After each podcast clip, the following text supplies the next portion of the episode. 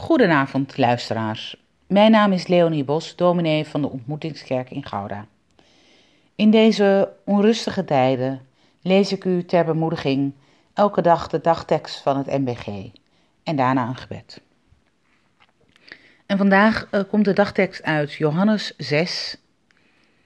En daar zegt Jezus: Wie mijn lichaam eet en mijn bloed drinkt, blijft in mij en ik blijf in hem.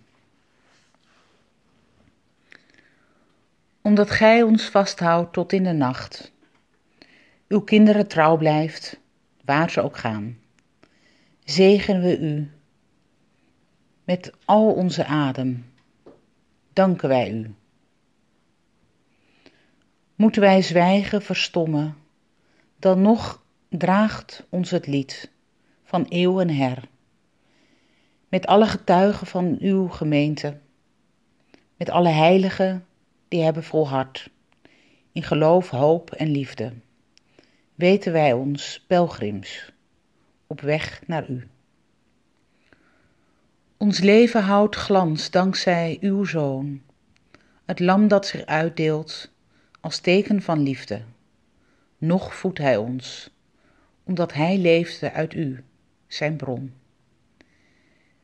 Hem gedenken wij als het slachtlam dat ons de uittocht mogelijk maakt, zoals hij in de nacht waarin hij werd overgeleverd, het brood brak, de beker deelde.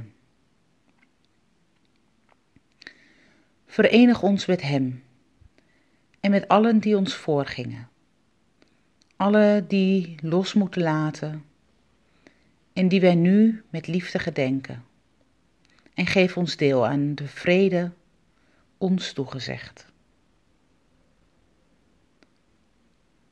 Amen.